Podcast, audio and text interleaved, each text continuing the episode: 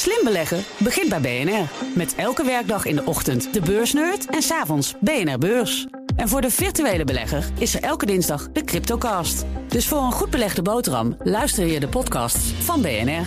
Blijf scherp. De column van Marianne Zwagerman. De duurste tv-studio van Nederland staat aan het Binnenhof 1 in Den Haag. Kosten 100 miljoen euro per jaar. Adverteerders zijn niet nodig. De inkomsten komen alleen uit kijkers. Een soort Netflix, maar dan met een wettelijk verplicht abonnement. Daar kan John de Mol alleen maar van dromen. Zelfs een B-acteur met een klein bijrolletje heeft een jaarsalaris van 120.000 euro. Kom daar maar eens om bij GTST.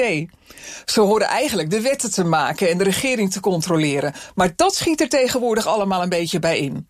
Voordat de Kamervoorzitter het debat afhamert, staan de slim gemonteerde filmpjes al online. Soundbites zijn belangrijker dan de uitkomst van het debat.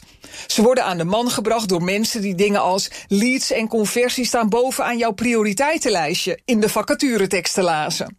Politiek is alleen nog maar marketing. Het FD beschreef zaterdag het YouTube-filmpje waarin Thierry Baudet op een heftruck reed om het drukken van 1 miljoen FVD-kranten voor te bereiden, terwijl hij in de Kamer had moeten zijn om te debatteren over de toeslagenaffaire, waarvoor het ministerie van Financiën aangifte deed tegen de eigen ambtenaren. Geen klein dingetje. Pieter Omtzigt, die daarover samen met Renske Leijten de onderste steen naar boven zwoegt, was er wel. Leijten stelde de belangrijkste vraag in de carrière van de minister-president. Het beleid dat de ambtenaren uitvoerden was geaccordeerd in de ministerraad. Hoe ziet de regering haar eigen rol als de Belastingdienst veroordeeld wordt? Interessant. Eindigt Rutte net als zijn ambtenaren met een strafblad? Journalisten sloegen er niet op aan. Het enige dat werd opgepikt was de video van een getergde omzicht die voor de zoveelste keer geen stukken kreeg van de regering. Het ging de journalisten niet om de inhoud, maar om het spel. Kamerlid van een regeringspartij barst uit in woede. Gelukkig wonnen Pieter Klein van RTL en Jan Klein Nijenhuis van Trouw gisteren de tegel voor hun journalistieke werk in de toeslagenaffaire, die zonder hun maandenlange inspanning geen affaire geworden was. Ik moet verdorie journalist worden om hier de regering te controleren. Ik trek het niet langer, zei een pislinke omzicht in de Kamer.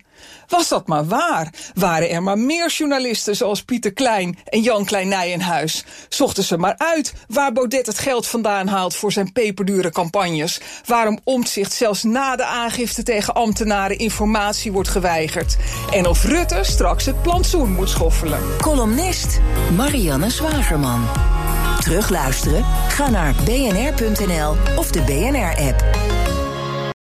BNR Headlines. De hele dag binnen- en buitenlandse politiek. In Nederland hebben we geen munitiefabrieken. De hele dag economie. Vijf dagen in de week bezorgen, dat kan niet uit. De hele dag technologie. Amerikanen weer op de maan. Heb je eigenlijk geen tijd, maar wil je toch op de hoogte blijven? BNR Headlines. Het laatste nieuws, maar dan in het kort. Ga naar je podcast-app en abonneer je op BNR Headlines.